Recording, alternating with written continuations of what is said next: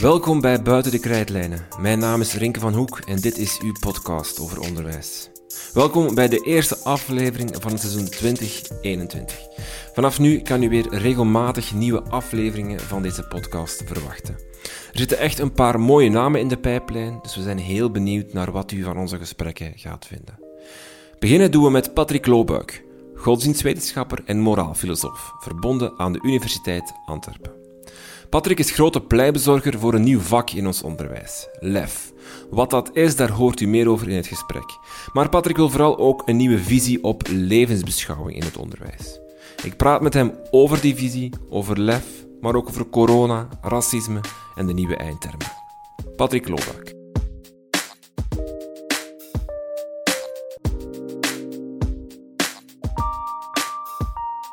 Dag Patrick Loobuik, godsdienstwetenschapper, moraalfilosoof. Ja. Ehm, misschien even terugkijken naar het afgelopen schooljaar. Hoe kijkt u er naar terug als, als uh, ja, lesgever enerzijds aan de universiteit, maar ook als, als vader of, uh, en als uh, expert of iemand die naar onderwijs kijkt? Ja, misschien beginnen wat betreft de universiteit. Daar hebben we, zijn we heel snel online gegaan. En ik moet zeggen dat de universiteiten, dat, uh, of de universiteiten waar, waaraan ik werk, dat die dat heel goed hebben gedaan. Dus ze hebben heel snel uh, mensen en allerlei diensten gemobiliseerd om het onderwijs te kunnen aanbieden aan de studenten. En ik denk dat het ook min of meer gelukt is. Maar natuurlijk voor veel studenten was dat, was dat heel, leuk, heel leuk nieuws dat men plots te horen kreeg. Want dat, daar kwam het dan toch op neer.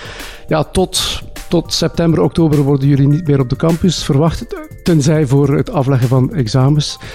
Uh, ik heb toch wel van menig student gehoord dat dat, dat, dat eigenlijk, uh, ja, je kunt je dat zo inbeelden, dat dat natuurlijk absoluut niet prettig was. Stel je maar eens voor, je bent je eerste jaar op kot, eindelijk ben je van papa en mama verlost en dan uh, overkomt komt, komt corona daar en dan is de conclusie dat je dan toch maar weer bij je ouders moet gaan wonen bijvoorbeeld. En, en ook een stukje ja, moeilijk om, om een ehm, op sociale contacten te onderhouden. Dat één, maar ook om een soort ritme te vinden in uw leven. Dus ik, ik heb wel ook studenten gehad die zeiden, ja, ik, ik spreek elke dag om uh, eh, 8.30 uur af met een vriendin, uh, online dan, zodanig dat we van elkaar zien dat we wakker zijn en dat we aan de dag kunnen beginnen, want de verleiding is groot om uh, heel de dag dan maar in bed te liggen. En dat zag ik ook bij mijn eigen kinderen, dat het op een bepaald moment wel moeilijk was om ze te motiveren. Ik heb uh, vier kinderen en die, ja, drie ervan zijn sinds maart niet meer naar school mogen teruggaan. Eentje is zo'n paar dagen nog mogen teruggaan. Dus dat, wa dat was toch, uh, ja, dat was voor niemand evident. Heeft, had u begrip voor de, dat was veel rond te doen rond... Uh... Um, ja, algemeen misschien het onderwijs van wat doe je nu met die evaluatie, die eindevaluatie, die examens. Hè? Zeker in de hogeschool, universiteiten was er de vraag naar, naar redelijkheid, naar anderzijds, en je had heel veel studenten daar echt naar vroeger, petities en dergelijke. Anderzijds had je de, goh, ja, de, de academische wereld die wel zei van ja, redelijkheid, allemaal goed en wel, maar je moet het wel kunnen. We kunnen geen dokter doorlaten die niet weet... Uh... Nee, dat klopt. We moeten, we moeten, we moeten een, een, niveau handhaven. En um, bijvoorbeeld aan de UGent was er een soort coronatest die we konden uitvoeren op onze examenresultaten. Dat betekent dat onze examenresultaten werden vergeleken met de gemiddelden enzovoort van de jaren daarvoor. Uh, ik heb dat ook gedaan en dat was eigenlijk uh, exact hetzelfde profiel dat ik had van puntenverdeling dan de jaren daarvoor. Dus dat, dat zat wat mij betreft uh, snor. Um, maar goed, dat is een moeilijke afweging die je moet maken op dat moment. Stel nu dat, dat, dat, dat er bleek dat er zoveel meer studenten zouden gebuist zijn dan andere jaren, dan moet je toch misschien eens gaan nadenken waaraan dat dan kan, kan liggen. Maar het mag niet de bedoeling zijn dat je je niveau verlaagt. Het moet, moet tot nadenken stemmen om te, om te zien op welke manier kunnen we studenten beter ondersteunen om het niveau te behalen zoals van de jaren daarvoor. -hmm.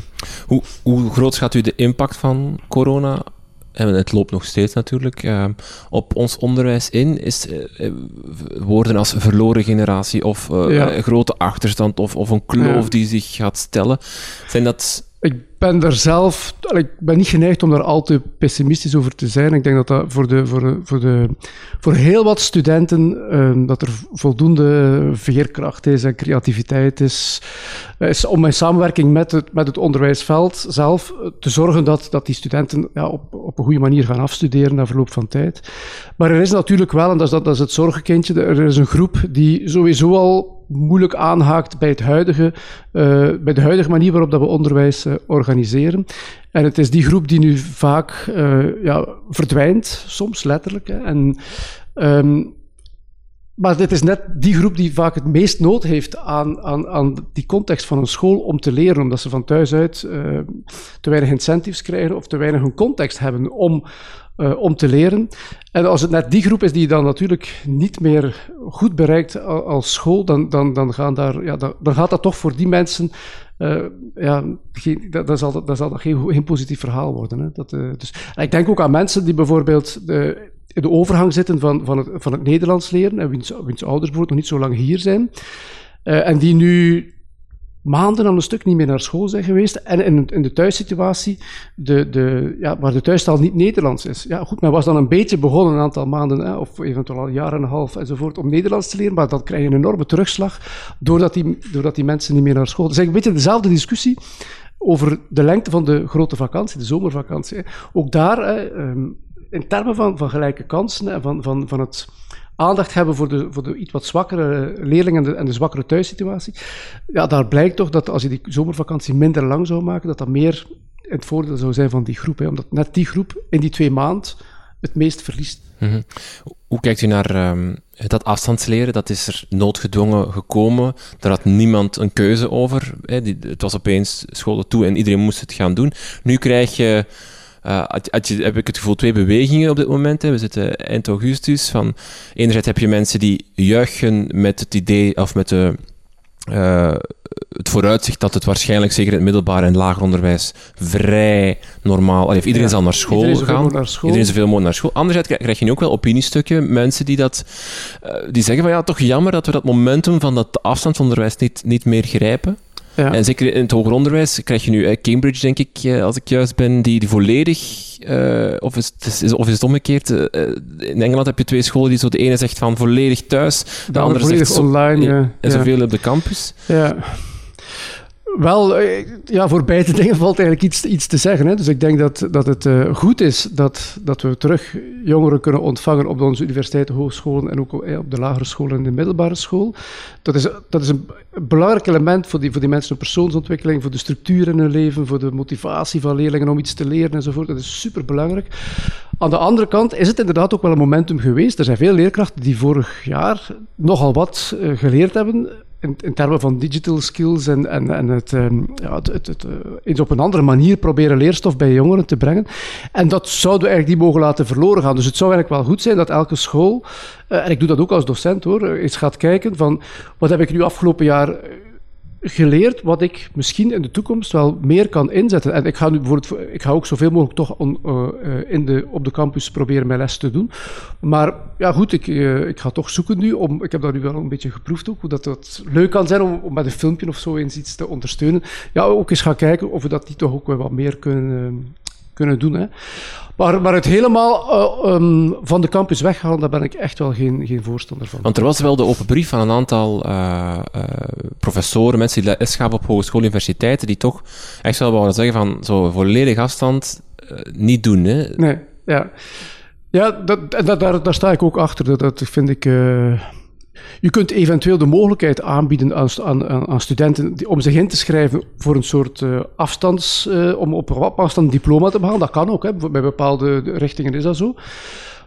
Maar dat, dat mag, of dat is niet de norm. Hè. Dat is ook niet waar een student zit, uh, zit op te wachten. Hè. Dus die student die wil ook, als je aan je eigen, denk ik toch, um, studentenleven denkt, ja, dat, je kunt daar toch die, ja, die, die colleges en, en, en het campus gebeuren, je kunt dat niet, niet wegdenken. Hè. Dat is zo'n essentieel onderdeel.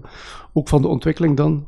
De wereld die voor een stukje open gaat. Hè. Je, gaat je, komt, uh, ja, je, gaat van onder moeders vleugels. En, en, de bedoeling is dat je ook met veel nieuwe mensen toch ook in contact komt. Ja, als je die campus niet hebt als draaischijf voor dat sociaal gebeuren, of je naar de les gaat of niet, dat kan je daar nog in het midden laten. Maar die, dat campus gebeuren moet er wel ergens zijn om mensen ter plekke te krijgen en met elkaar in contact te krijgen. Misschien even uh, de filosofische tour op. Denkt u dat er nog een, een soort terug naar normaal komt in, na COVID, na corona? Of is het nieuwe normaal? Is dat echt het woord dat we gaan, gaan gebruiken? Het hangt ervan af wat je daarmee bedoelt. Geef ik nog een hand ooit aan mensen? Ja, daar denk ik van dat dat, dat, dat wel uh, terugkomt. Ja. Maar de hand geven is misschien, dat is nu al heel, heel een klein dingetje, maar, maar, het, maar, het, maar het idee dat we Ja, wij zijn, wij zijn heel. Uh, mensen zijn, gevoel, zijn gevoelswezens, maar zijn ook lichamelijke wezens. En wij, wij uh, dansen uh, al sinds de oertijd samen. Wij knuffelen al sinds de oertijd. Wij zoeken elkaar op. Ehm, en ik denk dat zodra dat kan, dat wij dat ook opnieuw zullen doen. En je ziet dat ook, hè, op het moment dat, er, dat, dat die bubbels ehm, begin juli zijn versoepeld, dan zaten de terrassen toch ook vrij snel. De zon moet maar schijnen.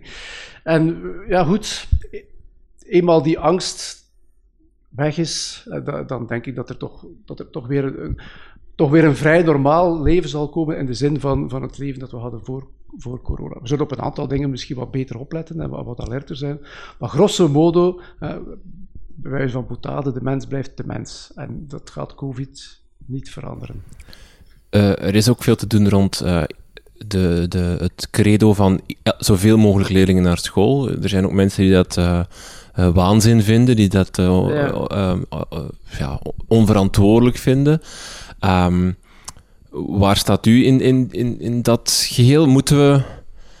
Um, ik denk soms, dat, maar ik ben geen viroloog, dus ik, ik, ik, ook niet, ik, ik, gok maar een beetje, maar, maar dat het, we hebben heel veel gedaan om, om heel veel mensen te beschermen, wat, wat nodig was in het begin. Hè. Die lockdown was echt om te zorgen dat ons zorgsysteem niet instortte, dat we niet alle mensen boven de 60 plus levensgevaarlijke ziekte toebrachten. Hebben, zitten we nu zo op het, het, het op het hellend vlak rond, of, of de, de frictie tussen enerzijds terug naar een leefbaar leven gaan, dat misschien wat meer risico inhoudt voor onze risicomensen, anderzijds nog we moeten nog altijd mensen beschermen? Ja, alles hangt ook een beetje af, en daar, daar, kan ik ook niet echt de vinger op leggen, eh, maar alles hangt ook een beetje af van de interpretatie van de cijfers. Je kunt niet zomaar de cijfers eh, van, van augustus bijvoorbeeld naast de cijfers leggen van wat in bijvoorbeeld april naar boven kwam. Want ja, er is een heel andere testcapaciteit, er zijn andere mensen die we, die we het zijn andere dingen die we naar boven brengen. En dus het gaat sowieso al niet op om dat zomaar te vergelijken. Ja, en dan inderdaad, ja, je zit met, met een afweging die je sowieso moet maken. Je hebt het voorzorgsprincipe die zegt, als er, als er risico's zijn eh, waarbij er eh, heel veel slachtoffers zouden mogelijk kunnen vallen, en ook bij, bij zwakkere groepen enzovoort, dat je dat moet proberen zoveel mogelijk uit te sluiten. Aan de andere kant moet je, moet je, ook, moet je ook het leven een beetje ademruimte geven, waar je voelt dat, dat, dat, dat als je de samenleving op slot zet, dat dat eventjes houdbaar is. Dat hebben we gezien bij die lockdown, dat er wel wat motivatie was dan. Maar dat dat nu, dat, dat, is, dat die motivatie is weg. Hè. Dus er is net ook dat, dat rapport verschenen van mijn collega's, denk van de UGent, waaruit blijkt dat motivatie op de huidige maatregelen na te leven slechts bij een derde van de mensen, dat een derde van de mensen zegt, ik ben daartoe bereid om dat te doen. Ja, dat, dus je moet, je moet sowieso gaan, gaan kijken wat, wat, wat haalbaar is. En dan moet je ja, risico's afwegen. Ja, bereken de risico's nemen, maar ik vind wel dat we daar een beetje, we zouden daar iets meer debat moeten kunnen over hebben. Hè? Want ja, natuurlijk de virologische logica die zegt we moeten elke besmetting vermijden. Maar dat betekent in de long run dat je je samenleving als een ziekenhuis moet organiseren. Heel steriel. Uh, maar dat wil niemand natuurlijk. Je wil leven. En leven is risico nemen. Altijd. Als jij uh, straks het, het, verkeer intrekt, dan neem je een risico. En het is niet de minister van Verkeer of zo die verantwoordelijk is daarvoor. Nee, we hebben als samenleving beslist, dat risico nemen we. En er vallen over 300, denk ik, en zoveel verkeersdoden per jaar. Goed. Maar we hebben dat afgesproken, want dat verkeer heeft ook ontzettend veel voordelen. U kunt zich verplaatsen, we kunnen elkaar ontmoeten, we kunnen reizen, we kunnen dingen zien enzovoort. En hetzelfde geldt met de, met de oefening die we nu moeten maken. Gaan we de scholen sluiten om misschien een aantal ziektes te, en zieken te vermijden? Of zeggen we, ja, we gaan die scholen openen en zoals elk jaar gaan daar mensen ziek worden. Hè. Het, zij, het zij door griep, het zij door covid. En we gaan natuurlijk proberen, en dat moeten we nu wel zeer goed nog proberen te doen. We zijn nu uh, eind augustus, dus naar september toe, moeten we wel proberen om die omstandigheden zo gunstig mogelijk te krijgen, dat we er zo, ja, zo zeker mogelijk van zijn dat, het, um, dat er zo weinig mogelijk besmettingen uh, kunnen zijn. Maar dat die scholen open gaan, uh, nogmaals, dat vind ik wel, vind ik wel een heel belangrijk iets om in, de voordelen daarvan vind ik heel belangrijk om in de weegschaal te leggen. Hoor. Dus ik vind dat je dat het, dus, dat het berekend risico dat we vandaag nemen als samenleving, dat dat, uh, daar sta ik wel achter. Ja.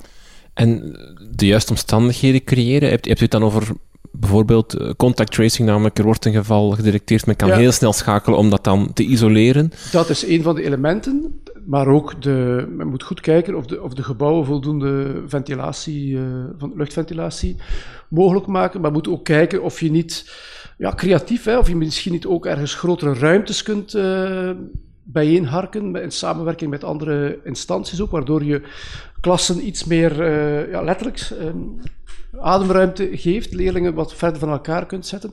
Ja, je, komt ook op de mondmaskerdiscussie. Als je toch dan leerlingen dicht bij elkaar zet, zeker in het, eh, op het eind van het middelbaar, waar dan toch, want er wordt gezegd bij kinderen dat het toch minder risicovol is, minder besmetting, minder symptomen, minder overdracht. Maar bij mensen die 17, 18 jaar zijn, dat is hetzelfde als volwassenen, ja, dan moet je toch kijken, als je die niet, die anderhalve meter kunt garanderen in klassituaties, dat dan inderdaad ook het mondmasker uh, afdoend wordt, uh, wordt gebruikt. Oké. Wat niet plezant zal zijn, dat weet ik. Hè. Dus ik, ik, hoor mijn kinderen al stijgeren, die, die, die, zullen straks met het mondmasker naar school moeten. Dat is absoluut niet plezant, dat begrijp ik ook. Hè. Maar ook dat is ergens weer een kost die we dan toch misschien moeten nemen. Een, een, ongemak die we erbij moeten nemen, om dan toch die scholen op een goede manier te laten opengaan. Want dat is toch wel zeer belangrijk. Oké. Godsdienst, daar gaan we het uh, voor, een, voor een deel over hebben. Um, er is een, een uh, contradictie of een paradox, namelijk uh, ons geloof, de samenleving is seculierder dan ooit, zal ik maar zeggen. Het geloof ja. verdwijnt in een razende vaart, denk ik dat hij ooit ergens gezegd heeft. Ja. Anderzijds, 78% is het getal dat ik gevonden heb van alle leerlingen secundair onderwijs in Vlaanderen volgt katholieke godsdienst of zit op een katholieke school. Ja, dat is een interessante vaststelling. Ja. ja. Heeft u daar een verklaring voor? Ja, de verklaring is, uh, is eigenlijk zeer eenvoudig. Dus we hebben um, vrijheid van onderwijs, daar hebt u al een andere podcast ja. over, eh, heb ik begrepen. Uh, die vrijheid van onderwijs, dat is een belangrijk uh, onderdeel van onze grondwet, staat al van 1831 in die grondwet. En die vrijheid van onderwijs, daar is gebruik van gemaakt, met name door het door het katholieke net, wat we vandaag het katholieke net noemen, de katholieke koepel, om eigen scholen te organiseren. En die worden ook ja, bijna volledig gefinancierd door de overheid. De leerkrachten worden betaald door de overheid. Die moeten ook de eindtermen volgen die de overheid uh, oplegt enzovoort. Die maken wel eigen leerplannen, maar goed. Dus, uh, en het is nu eenmaal zo dat door de, in de loop van de geschiedenis uh, op een punt zijn gekomen dat um, het merendeel van de leerlingen in katholieke scholen terechtkomt, op, op een katholieke school les. En op die katholieke scholen is er een beleid rond godsdienst, het vak godsdienst, namelijk dat iedereen het vak Rooms-Katholieke godsdienst volgt. Hè. Of je nu gelovig bent of niet gelovig, of je nu moslim bent of katholiek, uh, mormoon of uh, getuige van Jehovah. Als je voor een katholieke school kiest, dan hebben daar ook gelijk in. Hè. Ik bedoel, dat, dat klopt ook. Hè. Dus er is vrijheid van onderwijs. Ouders kunnen ook zelf kiezen welke school ze willen voor hun kind. Als je als ouder kiest om in te stappen in het katholieke onderwijs, ja, dan weet je dan heb je een één of twee uur of, twee uur, uh, of drie uur uh, Rooms-Katholieke godsdienst. Doordat dat marktsegment van die, van die katholieke scholen zo groot is, dat verklaart het, dat cijfer dat je daarnet noemt, dat bijna 80% van onze jongeren Rooms-Katholieke godsdienst volgen. Want in het officieel onderwijs is er een, een keuzepalet eigenlijk van levensbeschouwelijke vakken. Daar ben je niet verplicht om één vak te kiezen. Dan kan je kiezen tussen zedeleer, Rooms-Katholieke godsdienst, protestantse godsdienst, islam, uh, orthodoxe godsdienst, Anglikaanse godsdienst, uh, Jodendom, ik heb ze ondertussen bijna allemaal. Je kunt ook vrijstelling vragen. Um, maar, maar dus, wat ik, waar ik toe wil komen, ook daar heb je dus een groep kinderen en ouders die kiezen om daar het vak Rooms-Katholieke godsdienst te volgen. En als je dus die twee samentelt, van mensen die Rooms-Katholieke godsdienst volgen in het officieel onderwijs en alle mensen die in het katholiek onderwijs godsdienst volgen, dan kom je aan die 80%. Ik moet dat uitleggen ook in het, in het, als ik in het buitenland ga spreken, dan, dan begin ik daar soms ook wel eens mee om te zeggen van kijk, dat is de situatie in, in, in Vlaanderen. Het is bijzonder, hè. ja. ja. want we kunnen er dan toch van op aan dat eigenlijk heel veel uh, van die 78%, dat, dat heel veel mensen niet gelovig zijn, hè, want ja. het grote deel van de samenleving is niet meer gelovig, en dat ze dus niet kiezen omwille van uh, dat, die katholieke factor voor die school. Het is eerder ja. te, desondanks dus dat of zo.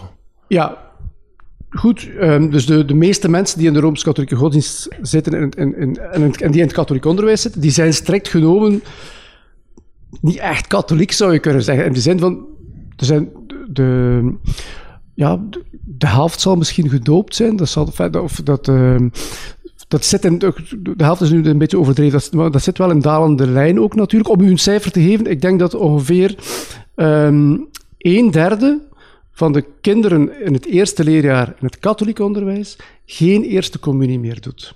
Je kunt daar veel vinden of weinig, maar dat is wel redelijk veel in die zin, dat, want je krijgt al godsdienst in het kleuter. En in die godsdienstles wordt u, wordt u eigenlijk als kind warm gemaakt om dan in het eerste leerjaar vriendje van Jezus te worden en uw eerste communie te doen. En je moet eigenlijk al uh, sterker in schoenen staan als ouder om te zeggen, jij gaat nu geen vriendje van Jezus worden. Want eigenlijk op die leeftijd wil iedereen vriendje van Jezus worden. En dus, toch zijn er al, is er al een derde van die kinderen die geen eerste communie meer doen. Dat gaat over moslims die ook in het katholiek onderwijs zitten. Dat gaat over mensen die wiens ouders ook niet meer gedoopt zijn, of, of, die zelf niet meer gedoopt zijn. Of het gaat over ouders die geseculariseerde christenen zijn, die wel zelf nog gedoopt zijn, maar die het niet meer belangrijk vinden voor hun kinderen. Dat is een allegaartje. En die, die groep is wel aan het stijgen. Als je dan kijkt voor de plechtige communie, het vormsel in het zesde leerjaar, is dat al veel meer dan een derde die geen uh, die niet meer dat, de, die geen vormsel meer doet. Zeker in stedelijke contexten. Hier bijvoorbeeld in Gent zijn er scholen waar nog één iemand in het zesde leerjaar zijn vormsel doet. Mm In een katholieke school. Dus die katholieke praktijk, daar is men totaal van vervreemd. Uh, en Goed, men heeft daar het vak ook op aangepast. Hè. Dus men, heeft, men doet al lang niet meer aan catechese. dat woord, uh, dat, uh, dat is niet wat de godsdienstleerkracht doet in, in, het katholiek onderwijs. Het is niet meer de bedoeling om mensen naar de kerk te halen. Het is ook niet meer de bedoeling om mensen echt ja, tot dat geloof te leiden of dat geloof te verdiepen. Het is meer de bedoeling om ja, rekening houden met die seculiere en diverse context waarin we zitten, om mensen ja, aan te zetten om over geloof en levensbeschouwing wat na te denken. En men doet dat wel dan voornamelijk vanuit de, de rooms-christelijke traditie, die een soort voorkeurspositie heeft dan natuurlijk in dat, uh, in dat vak. De, de grondwet, um, die is verplicht wel om voor levensbeschouwing te geven. Hè?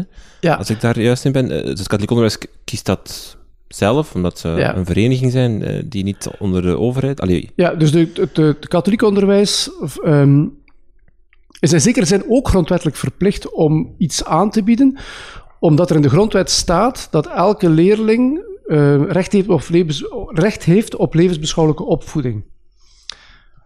Dat wil, maar die recht, dat wil zeggen, je kan het ook niet doen, hè, want in het GO kan je eigenlijk vrijstelling... Allee, je kan ook zeggen, je kan ja. opt-out kiezen, van ik wil het, niet... Maar het feit dat, die jongeren, dat iedereen het recht heeft, betekent dat als ze naar een school gaan, welke school dat ook is, dat ze daar eigenlijk een vak moeten kunnen krijgen. En dat is ook de reden waarom dan de, de overheid ook het, het vak in het vrij onderwijs mee uh, financiert. Maar het grote verschil is dus dat de, uh, het officiële onderwijs, en daarmee bedoel ik dan um, het GO, het hm. gemeenschapsonderwijs uh, van Vlaanderen, van de Vlaamse gemeenschap, stedelijk onderwijs, stedelijk, stedelijk en gemeentelijk onderwijs en provinciaal onderwijs, dat is een kleinere factor, maar dus die drie samen, die zijn grondwettelijk verplicht om alle erkende levensbeschouwingen aan te bieden. En er zijn zeven erkende levensbeschouwingen ondertussen. Er zit er een achtste in de pijplijn, dat is het boeddhisme.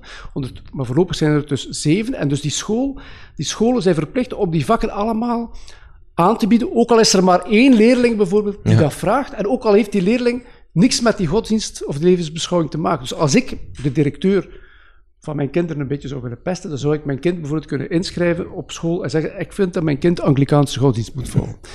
Die directeur is dan in principe verplicht om een leerkracht Anglikaanse godsdienst te zoeken voor mijn kind. Ik wens hem daar veel succes mee. Ik kan dat ook niet doen natuurlijk. Hè. Dus ik, maar, maar het systeem zit, dus je voelt ook dat, dat, daar, dat systeem ook een beetje raar in elkaar zit. Duur toch ehm, ook? Ja, puur. Het is duur. Maar goed, koken kost geld. Dus het onderwijs, dus dat, hangt, dat hangt er een beetje vanaf hoe belangrijk ik dat vind. Uh, maar het is vooral ook zeer onpraktisch. Dus als je met directeurs spreekt, ik heb nu net ook weer iemand die een thesis daarover maakte, die, is, die, is, die heeft een bevraging gedaan bij directeurs van officiële scholen.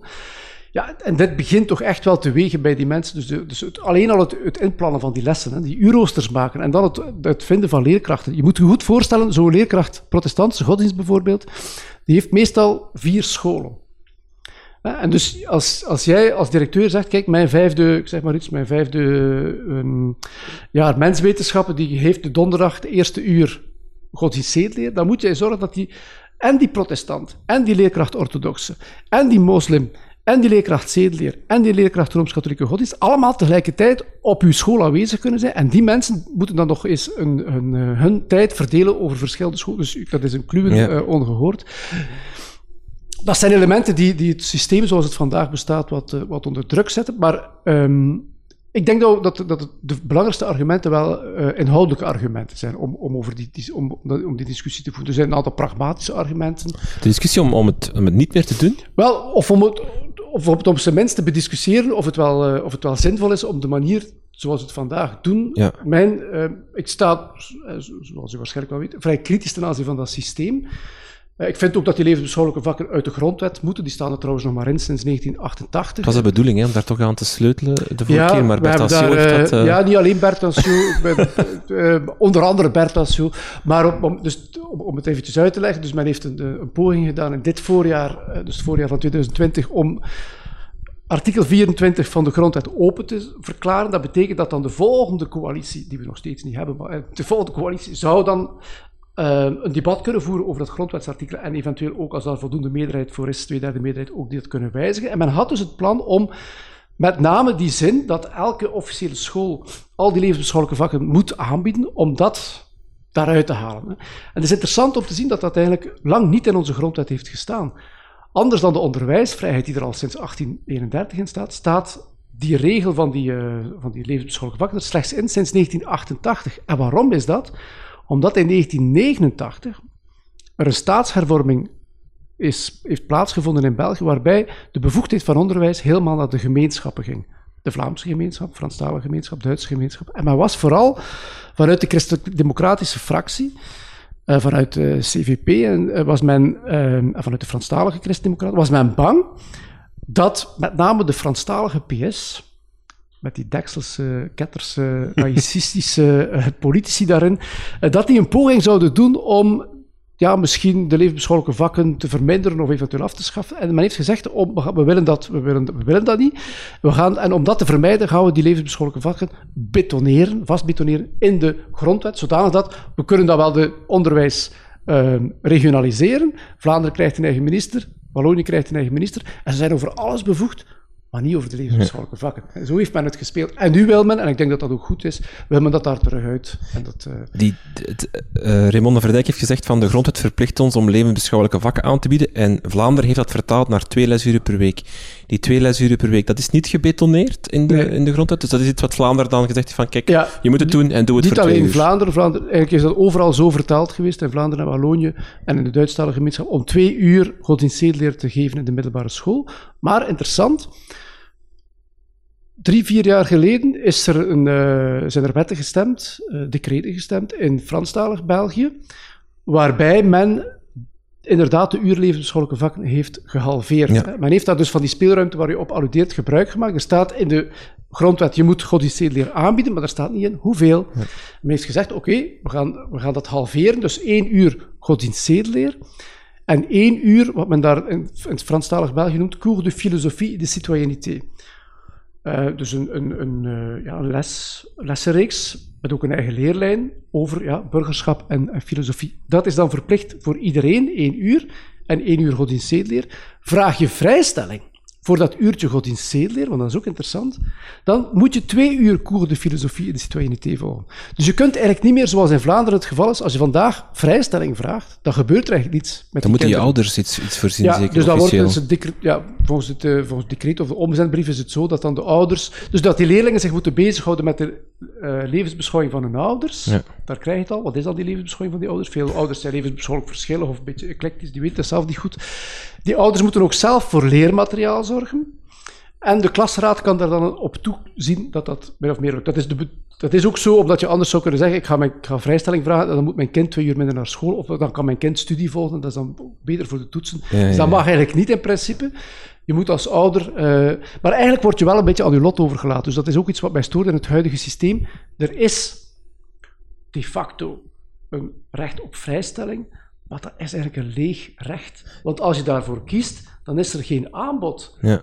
En dus dat is een lege doos. Dus ik vind dat de overheid ook in Vlaanderen zou moeten nadenken om die vrijstelling in te vullen. Zodanig dat als je zegt, ik wil een vrijstelling, ik, ik pas niet in die confessionele en niet-confessionele zedeleer. Um, ik, wil, ik, ik, wil niet dat mijn kind dat per se volgt. Wel, dan moet er een, aanbod, een ander aanbod zijn um, om die kinderen toch op levensbeschouwelijke en filosofische manier ook uh, ja, leerinhouden te geven en hen op bepaalde punten te triggeren. Want, want nu lijkt het alsof die vrijstelling eigenlijk impliceert van, kijk, als jouw ouders een godsdienst aanhangen die niet een van de zes of zeven ja. erkende zijn, dan kan je die dan doen. Maar dan moeten je ouders het wel zelf regelen. Maar als je ouders uh, atheïstisch zijn of zeggen van nee, wij geloven niet, maar we hebben ook geen zin dat ons, ons kind zedeleer volgt, dat kan eigenlijk niet, want er is geen levens... Allee, allee, ja, dat hebben we niet echt. Nee. Dus dat is ook een beetje het punt, hè, dus waar we dan, dus dat meer fundamenteel punt waar we dan zo botsen met het huidige systeem. Het huidige systeem gaat er eigenlijk vanuit dat alle jongeren in één van die hokjes passen.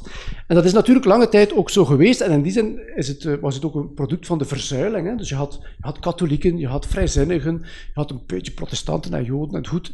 En men heeft daar dan het schoolpact rond, rond gefabriceerd in de jaren 50. Later zijn dan wel de moslims erbij gekomen ook. Ehm, maar goed, het is vrij duidelijk, maar door de secularisering, individualisering, globalisering, voor, is, dat voor, voor veel mensen niet meer zo duidelijk. En als je aan veel, zeker ook jonge mensen vraagt, wat ben jij?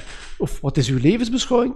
Dan krapt men eens achter het oor. Hè? Want ja, sommigen zijn nog gedoopt, maar die weten of hebben geen enkele affiniteit meer met Christen of met de katholieke kerk. Uh, anderen zijn zelf helemaal niet gedoopt, maar hebben ook geen affiniteit met, uh, want dat zou ook een misvatting zijn. Het is niet omdat we seculariseren dat de vrijzinnige organisaties en de vrijzinnige zuil, dat die boomt. Hè. Dus die is ook, net zoals de katholieke kerk, met vergrijzing aan het worstelen.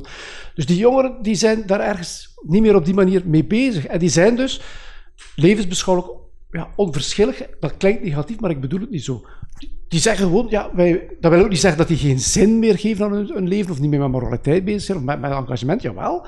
Maar die halen die, die drive voor, voor hun engagement en voor hun moreel handelen niet meer uit de traditionele verhalen en de traditionele levensbeschouwing zoals we die vandaag kennen. En toch, wat doen we in het onderwijs? We steken ze, ah, je bent toch katholiek of je bent toch moslim? Ja. ja. goed. Nu, voor die moslims denk ik dat dat nog redelijk goed werkt. Ja. Alhoewel dat je ook daar in toenemende mate mensen krijgt die zeggen, ja, mijn ouders waren wel moslim. En ik noem mezelf wel moslim omdat ik ergens in die traditie sta. Maar, maar of ik nu echt nog geloof dat de Koran het letterlijke woord is van God en dat homoseksualiteit zondig is enzovoort, ja goed. Dus ook, ook daar, dat, denk ik, eh, krijg je ook secularisering, individualisering. En ook daar zal het in toenemende mate zo zijn dat jonge, jonge moslims, tussen aanhalingstekens, ja, zich ook niet meer echt erkennen in dat aanbod van je bent nu een moslim en dus moet je in dat vakje gaan plaatsen. Gaan plaatsen. Ja, dus. Is dan het systeem zoals de Franstalige gemeenschap de, way to go? Maak daar één uurtje van um, en, en steek er dan een uur burgerschap, filosofie in? Ja, ik, ik, heb, ik heb die discussie en die praktijk, volg dat wel op de voet. Daar zijn goede kanten aan, maar het, creëert ook wel weer, nog eigenlijk, als je dan naar de pragmatische kant gaat kijken, creëert nog extra chaos. Want wie mag dan dat, die cours de filosofie en citoyenneté geven? Dat is ook wel een heel gevecht geweest. De leerkrachten, zeedleden zeiden, wij mogen dat geven, wij zijn de enige die dat mogen geven, maar wij zijn al gewoon om neutraal les te geven. Wat helemaal niet waar is, want die, wat zeker in ons geval in Vlaanderen niet confessioneel zedeleer wordt aangeboden door de vrijzinnige zuil, is net zo goed een vak dat aangestuurd wordt door een levensbeschouwing als de Rooms-Katholieke godsdienst. Dus die zijn ook niet neutraal. Die, die, die, en als je dan zegt, oké, alle levensbeschouwelijke, leerkrachten levensbeschouwelijke vakken mogen zo'n neutraal vak geven, ja, dan krijgen die protestants, die, die, krijgen dan misschien zelfs in plaats van vier scholen, die krijgen dan acht scholen. Ja. Want in Franstalig Vlaanderen, heeft, eh, Franstalig eh, België heeft men ook afgesproken dat die uh, leerkrachten niet op éénzelfde school het neutrale vak mogen geven, cours de filosofie en citoyenneté, en bijvoorbeeld zedeleer. Je mag geen twee petjes op hebben. Okay. Dus die moeten dat. Dus er is allerlei discussie rond geweest bijkomend probleem vind ik ook wel, uh, één uur is eigenlijk uh, niks. Ja. Dus ik zou er toch voor pleiten om, als je aan nieuwe vakken denkt, om het dan in twee uur toch te doen. Dan kan je toch een, een stevigere leerlijn... En weg met dat godsdienst. Ja, niet per se. Je kunt ook combinaties maken. Je zou ook kunnen zeggen, we gaan in het, ik zeg maar iets, in het eerste middelbaar gaan we uh, het oude systeem handhaven, waarbij iedereen twee uur godsdienstleer heeft. En het, in het tweede jaar gaan we een gans jaar de filosofie en citoyenneté twee uur heeft. Of je zou ook zelfs kunnen zeggen, het eerste semester krijg je koer de filosofie en citoyenneté, een soort wat meer neutrale uh, aanpak van een aantal dingen. En in het tweede semester van elk jaar gaan we de, behouden we de, de, de levensbeschouwelijke vakken zoals die vandaag bestaan. Dat kan ook allemaal. Eigenlijk moeten we ook meer te gronden een discussie voeren. Um, die levensbeschouwelijke vakken zoals die vandaag bestaan, georganiseerd en gecontroleerd door de levensbeschouwingen zelf, of die wel een plaats moeten hebben in ons onderwijs. Want -hmm. moet, dat, dat gedachte-experiment wil, wil ik, toch eventjes meegeven uh, aan de luisteraar ook, dat, dat, omdat, het een, omdat dat iets, een aantal dingen op scherp stelt. Stel dat je beslist als samenleving, we willen uh, jongeren politieke vorming geven op school. Je wil dat jongeren weten dat er politieke partijen zijn en dat jongeren weten ook waar socialisme voor staat en waar dat vandaan komt. Dat ze weten waar liberalisme voor staat, waar dat vandaan komt, nationalisme enzovoort. En men beslist om dat als volgt te doen. We gaan twee uur in de week vertegenwoordigers van een politieke partij uitnodigen om daar hun verhaal te vertellen uh, over hun ideologie. Dus je nodigt een, uh, John Crombie uit om, om het socialisme uit te leggen. Je nodigt Bart de Wever uit om het nationalisme uit te leggen. Je nodigt Christophe Calvo uit om het, om het groene gedachtegoed uit te, uit te leggen. En bijkomend, de ouders die moeten voor hun leerlingen, voor hun kinderen beslissen in welk vakje ze les gaan volgen. dus de een kan kiezen voor Christophe Calvo. hij kan kiezen voor de leerkracht, omdat hij sympathiek is, of voor, het, voor de inhoud, omdat uw ouders ook groen zijn en vindt dat, dat Ander kiest voor socialisme, ander kiest, enzovoort. Als ik dat nu zo voorstel aan u, dan voelt u toch onmiddellijk dat dat niet klopt. Dat, dat, dat dat niet de manier is waarop dat we politieke vorming aan jongeren willen geven. Maar dat doen we wel met maar religie. Maar dat doen we wel exact analoog, doen we dat bij religie. Want en dus daar klopt iets niet. Het vak godsdienst, de katholieke godsdienst dan, wordt uh, bepaald door uh, de, de, ja. de bisschop de katholieke zuil. Ja, dus wat, doen we, wat doen wij in onze officiële scholen? Wij nodigen, bij wijze van spreken, de Rooms-Katholieke Kerk, de, de islam, de vrijzinnigen, de orthodoxen uit om daar hun ding te doen. Ja. Ook een beetje soms tot frustratie van de directeurs, want die directeurs die moeten dan vanuit het pedagogisch uh, luik en vanuit, vanuit, uh, vanuit, vanuit GO dat heel hard inzet op actief burgerschap en, en dialoog en verbinding enzovoort, ja, die moeten dan toestaan dat op dat uur, op dat moment, hè, als levensbeschouwing te sprake komt, dat dan die leerlingen uiteen gaan. Dat er geen dialoog is tussen moslims en vrijzinnigen, maar dat de moslims bij de moslims zitten, katholieken bij de katholieken, tussen aanhalingstekens mhm. katholieken, mm. vrijzinnigen bij vrijzinnigen en die ene protestant soms bij zijn leerkracht. Dit is natuurlijk ook niet de beste manier om jongeren voor te bereiden op een samenleving waarin je toch verwacht dat ze een zinvol discours kunnen gaan ontwikkelen met elkaar, een dialoog kunnen aangaan, interlevensbeschouwelijke skills ontwikkelen. Nu, ik moet wel zeggen, dat hebben die levensbeschouwelijke vakken ondertussen ook door. Hè. Dus mijn kritiek is ook wel voor een stuk aangekomen. Ik, ik, ik vertel dat verhaal trouwens al sinds 2009. Hè. Dus, en ondertussen uh, hebben we voor de levensbeschouwelijke vakken uh, hard gewerkt aan de interlevensbeschouwelijke competenties. En dus nu is het zo dat elke, um, binnen elk vak, of je nu islam volgt of niet confessioneel zedeleer of katholicisme, binnen elk vak moet er zes uur per jaar gaan naar interlevensbeschouwelijke competenties. En meestal komt dat erop neer dat dan die vakken die normaal afzonderlijk worden georganiseerd, dat die dan eens samen dingen hmm. gaan doen. Dat is een stap in de goede richting, binnen het systeem natuurlijk. Maar voor mij is dat een beetje too little, too late. Je hoort ook wel eens het voorstel, of leest wel eens het voorstel van, zoals men in het geo het opsplitsen, Hou ze gewoon samen en, en ja. maak een carouselachtig iets van waarbij elke godsdienst uh, aan bod komt doorheen het jaar, zodat elke leerling leert over, over alle godsdiensten eigenlijk en, en, ja. en ja, proeft of, of die leert uh, verkennen. Ja, eh, maar je bedoelt dat dat dan telkens de, ook de godsdienstleerkracht bijvoorbeeld van de katholieke godsdienst ja, les komt geven? Dat, en dan, dat, dat, is het tweede lek. Maar, dat, is, maar dat is ook, ook, iets wat ik zou loslaten. Dus nu gaan we er... Ik heb daarnet verteld hoe, dus die, uh, um, hoe dat zouden organiseren. Mocht je de analogie maken met die politici, of met politieke vorming. Bij die politieke vorming, zoals het in mijn gedachte-experiment ging, dan gaan we ook ervan uit dat alleen John Crombie en zijn aanhangers iets kunnen vertellen over het socialisme. En dat je een nationalist moet zijn om iets te kunnen vertellen over het nationalisme. Nu, dat zou ik loslaten. Dat klopt ook academisch gesproken niet. Je hoeft geen moslim te zijn om over de islam iets te kunnen zeggen. Je hoeft geen katholiek te zijn om daarover iets te kunnen zeggen. Dus als ik een voorstel, als, als in mijn voorstel over hoe levensbeschouwelijke vorming aan bod kan komen in de school, dan moet dat op een degelijke manier gebeuren door een leerkracht die goed geschoold is in zijn materie en ook de dialoog kan aangaan met zijn leerkrachten, met zijn leerlingen, ook kritisch is ten aanzien van zowel het atheïsme als ten aanzien van, van, van de godsdiensten. Die, mensen in staat staat om op, op een zinvolle manier over na te denken. Maar de levensbeschouwing van die leerkracht interesseert mij eigenlijk niet. Dat kan net zo goed een moslim zijn als een jood, als een christen. Of een atheïst. Ik heb gelezen dat uh, in theorie u een van de weinigen bent die eigenlijk Rooms-Katholieke godsdienst zou mogen geven en ook uh, zedeleer zou mogen geven in de middelbare school met uw diploma's. Wel, je moet daar wel bij zeggen, zou mogen ja. geven. Want dus strikt genomen, ik heb inderdaad een beetje een bijzonder parcours afgelegd. Dus ik, ik ben nooit naar mijn... Ik was eigenlijk een beetje voorbestemd in, in mijn hoofd om, om uh, ingenieur te worden. Ik deed dus heel veel wiskunde in de middelbare school. Maar ik was dat dan toch wel wat beu. En ik heb dan iets helemaal anders gekozen. Ik heb dan godsdienstwetenschappen gekozen. Ik heb daar ook mijn aggregaat gedaan. Dus mijn lerarenopleiding. Dus als ik daar afstudeerde, ik ben ook gedoopt. Dus ik voldoe eigenlijk formeel gesproken aan alle vereisten om Rooms-Katholieke godsdienst te geven. Maar u begrijpt dat ik met, het parcours dat ik daarna heb afgelegd, nu niet meer bij de inspecteur zou moeten aankloppen om Rooms-Katholieke godsdienst te geven. Ik heb dan daarna uh, moraal gedaan in Gent. Ben daar bij uh, mensen als Koen Raas zo terechtgekomen. Ik, heb daar dan, ik ben daar afgestudeerd en ik heb dan eigenlijk gesolliciteerd om zedeleer te geven. Dat was ook mijn bedoeling. Ik heb dat daar speciaal voor gedaan. Ik had daar uh, mijn studies zelf moeten betalen ook, enzovoort. En ik solliciteer bij de inspectie, want dat is ook zoiets. Bij levensbeschouwelijke vakken moet je niet bij een directeur of bij een school solliciteren, maar bij de inspecteur. Hè. Die hebben dus heel veel macht ook op dat vlak. En dus die inspecteur zei, ja, eh, je denkt toch niet dat je met jouw achtergrond, namelijk in Leuven godsdienstwetenschappen gedaan, en daarvoor op een college gezeten, dat je dan zedeleer kunt gaan geven. Je zou eigenlijk je lerarenopleiding opnieuw moeten doen.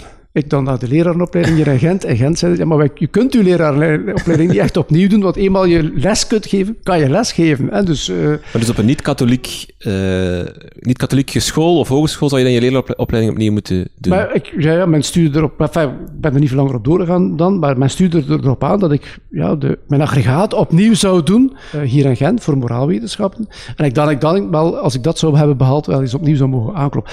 Maar ondertussen had ik dan ook ehm, de mogelijkheid uh, om, uh, om, uh, om te doctoreren. Dat zat wel zo'n beetje in de pijplijn en ik had dan ook een andere job. Dus ik heb het dan eigenlijk het onderwijs gelaten voor, voor, wat het, voor wat het was. Ja.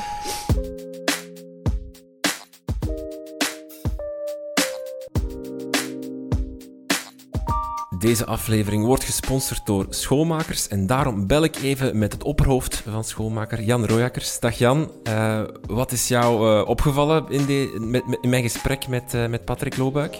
Hallo, dag Rinke. Ja, um, ik vond het een zeer interessant gesprek om te kijken hoe Patrick Loobuik eigenlijk manieren zoekt om met leerlingen de weg te gaan die antwoorden biedt op vragen zoals, ja, waar sta ik voor? Waar leef ik voor? Uh, wat wil ik in mijn leven bereiken? Welke waarden wil ik naleven? Waarin hij heel duidelijk uh, wel stelling inneemt van, kijk, we moeten leerlingen daar niet in gaan sturen. Maar we moeten dat vooral als school gaan faciliteren. Dat leerlingen uh, in contact komen met heel veel verschillende levensbeschouwingen en daar voor zichzelf antwoorden op kunnen formuleren. Ik vond dat heel intrigerend, omdat wij merken in de praktijk dat die scholen waar de leerlingen het meest zelfzeker door het leven gaan, dat dat ook scholen zijn die die antwoorden voor zichzelf ook het meest helder kunnen beantwoorden. En dus kunnen zeggen van kijk, als een leerling hier naar school gaat gedurende zes jaar, dan verschilt hij op dat en dat en dat vlak van een leerling die bijvoorbeeld naar een school gaat die een ander project naar voren schuift. Uh, en dus het hebben van een duidelijke missie en visie als school is echt wel cruciaal als je een uniek project naar voren wilt schuiven. En hoe kan, uh, hoe kan schoolmakers uh, daarbij helpen? Of kunnen jullie daarbij helpen met scholen die die, die vraag zich stellen? Ja, wij gaan inderdaad met scholen op pad die merken van ja, eigenlijk is dat voor ons veel te vloe. Ons pedagogisch project, onze missie, onze visie, dat is eigenlijk helemaal niet duidelijk. En vraag dat hier aan tien verschillende leerkrachten en die gaan u daar tien totaal verschillende antwoorden op geven. Dus wij begeleiden inderdaad scholen om daar meer uniformiteit in te krijgen en echt met het team op zoek te gaan naar waar willen wij echt het verschil maken. En het niet alleen bij missie- en visieteksten te houden, maar ook wel, wat staat ons dan te doen als wij ik zeg maar iets, leerlingen in de wereld uh, willen zetten of het belang van ondernemerschap willen laten inzien bijvoorbeeld. Ja, hoe gaan wij dat stelselmatig doorheen ons pedagogisch project verweven en acties nemen die daar ook effectief toe leiden? En uh, als ik een directeur ben en ik luister en ik wil jullie contacteren of jullie bereiken, waar moet ik zijn? Eén adres, schoolmakers.be. Daar vind je heel wat informatie en ook getuigenissen, referenties van scholen, directeurs die een gelijkaardige vraag hebben gesteld. En waar zij hun eigen beleving, uh, hoe zij de samenwerking met schoolmakers hebben ervaren, uh, voor ons hebben neergeschreven. Zodat je even kan kijken van, oké, is dat wat ik zoek of niet? Oké. Jan, heel veel dank. Uh, schoolmakers.be, daar moet je dus zijn om meer informatie te vinden over de organisatie Schoolmakers en wat zij kunnen doen voor jou. En wij gaan nu terug luisteren naar het gesprek met Patrick Loobuik.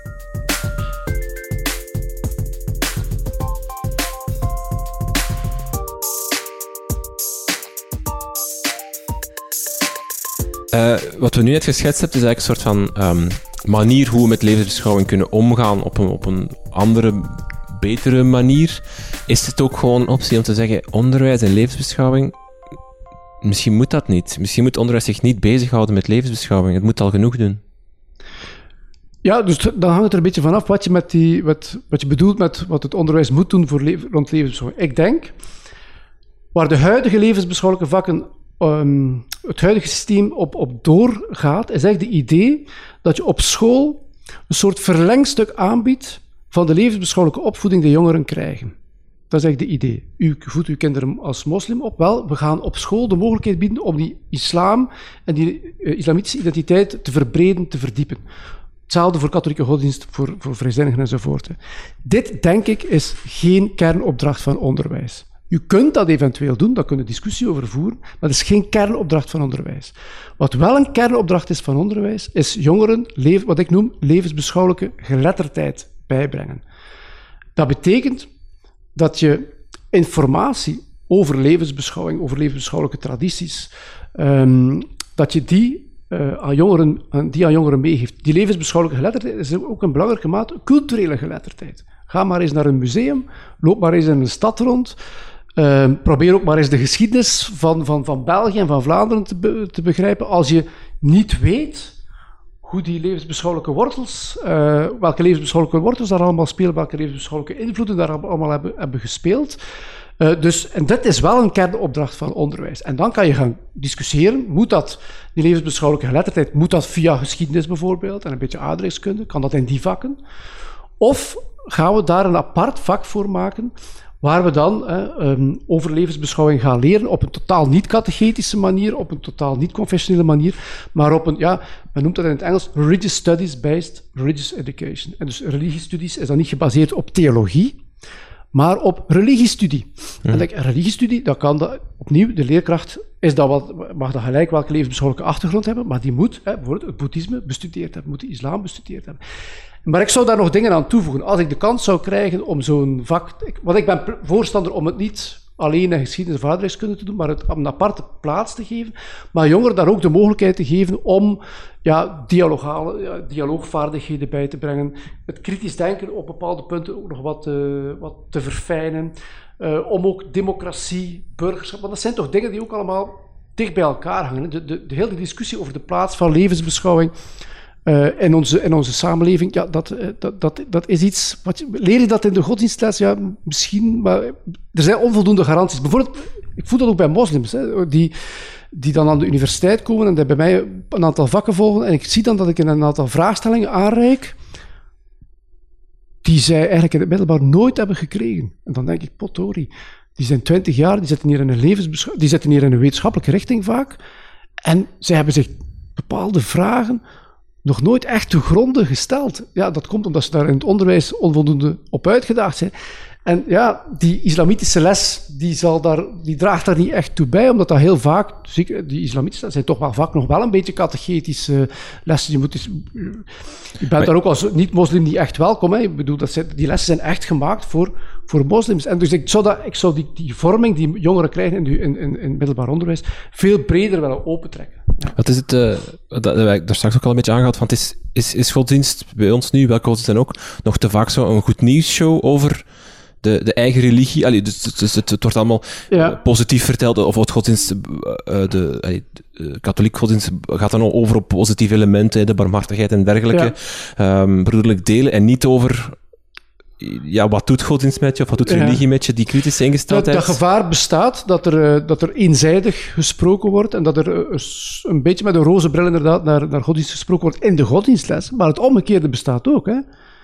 dat er in de, god, dat er in de zedeleerlessen met karikaturen gewerkt ja. wordt van wat godsdiensten zijn. Ook dat is natuurlijk niet wenselijk. Ik, heb ook, ik, ken, ik ken voorbeelden van jongeren die in de, die in de, de eerste les zedeleer was. Neem een blad papier, trek daar een streep, hè, linkerkant, rechterkant.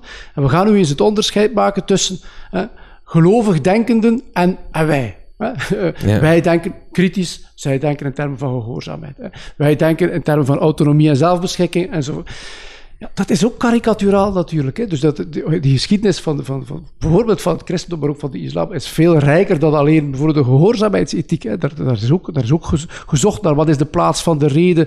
Denk aan Thomas van Aquino, die ook een belangrijke filosoof was enzovoort. En, ja goed, dus, dus het, het, gevaar bestaat inderdaad dat we met het huidige systeem dat je, ja, dat je een soort karikaturen meegeeft. Mm -hmm. En dat moeten we proberen te doorprikken. Nu, het gevaar, dat, dat, moet ik ook even eerlijk toegeven, het gevaar bestaat ook als je iets lefachtigs of zo'n vak hebt dat ik voorstel, dat gevaar bestaat daar eigenlijk ook. hè? Mhm. Dus, um, maar het voordeel is daar wel, dat merk ik ook in mijn eigen cursussen, het wordt veel moeilijker om met karikaturen weg te komen in de klas op het moment dat die klas divers is samengesteld. Dus als ik, ik ben zelf geen moslim, als ik lesgeef over de islam op de universiteit, en op de universiteit zitten er bijna altijd moslims in mijn auditorium, ja, dat zorgt wel dat dat, dat, dat een evenwichtiger discours is misschien. Of dat, dat zorgt voor een bepaalde alertheid. Ja.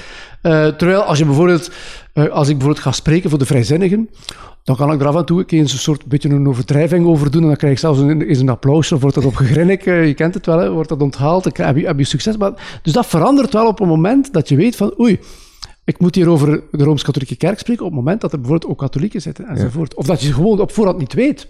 En dat is ook, als leerkracht, je weet het niet, want die klas is divers. En misschien zit er nog een protestant bij. Of zit er... En dat zorgt voor een zekere waakzaamheid. En als, dat er, als er dan een uitschuiver is, hebben die leerlingen ook de mogelijkheid om daarop te corrigeren. Ik zeg dat ook aan mijn eigen studenten. Van kijk, als ik dingen zeg waarvan je, waarvan je vindt dat ik uit mijn rol val als neutrale lesgever, spreek mij daar maar op aan. Ik, ik wil er ook uit leren. Want dat is geen gemakkelijke oefening, dat geef ik ook wel toe. Maar je kunt dat ook leren en je kunt dat ook, denk ik, ook echt in de praktijk brengen. Het, uh, de naam van het vak is gevallen. Hè. LEF is uh, waar u vurig pleitbezorger van bent. Uh, levensbeschouwing, ethiek en burgerschap en filosofie. Dat is ja. de, de afkorting. Ja. Um, u ziet dat als een algemeen vormend verplicht vak. Dus, dus eigenlijk die, die twee uur godsdienst, daar maken we twee uur lef van. Ja. een apart vak, waarin dan die drie pijlers zitten. Ja, dus dat juist? Ja, dat is, dat is mijn... Als ik het voor het zeggen zou hebben, dus in de ideale wereld, uh, dan zou ik dat doen. Hè. Dan zou ik voorstellen dat elke school twee uur in de week LEF uh, organiseert. En dat is inderdaad een algemeen vormend vak, net zoals aardrijkskunde, geschiedenis, wiskunde, Frans. Iedereen moet dat ook volgen. Er is geen enkele reden om vrijstelling te, te vragen of zo. Um, en je leert daar over de levensbeschouwelijke wortels van onze samenleving. Je krijgt daar uh, een stevige portie levensbeschouwelijke geletterdheid. Je leert nadenken over ethiek, zowel individuele ethiek, hè, hoe ga ik mijn eigen leven vormgeven als jongere, identiteitsvorming enzovoort, dingen die nu ook al wat in de godsdienst- en zitten. Maar ook sociale ethiek, hoe ga je om met uh, vraagstukken als uh, duurzaamheid, klimaatverandering enzovoort. En dan een luik burgerschap ook, die een onderdeel is van die sociale ethiek. Want de, de B zit niet in, in de afkorting. Nee, ja. Er wordt ethiek en burgerschap gekozen, maar zijn dat, zijn dat voor u twee aparte elementen? Of, of is ethiek de noemer waaronder de Het alternatief was BEF. uh, ja. Burgerschap, ethiek en filosofie. Goed, je kunt erover discussiëren. Lef klonk goed. Uh, en ethiek is, is denk ik breed genoeg om daar dan ook burgerschapseducatie uh, onder te doen vallen.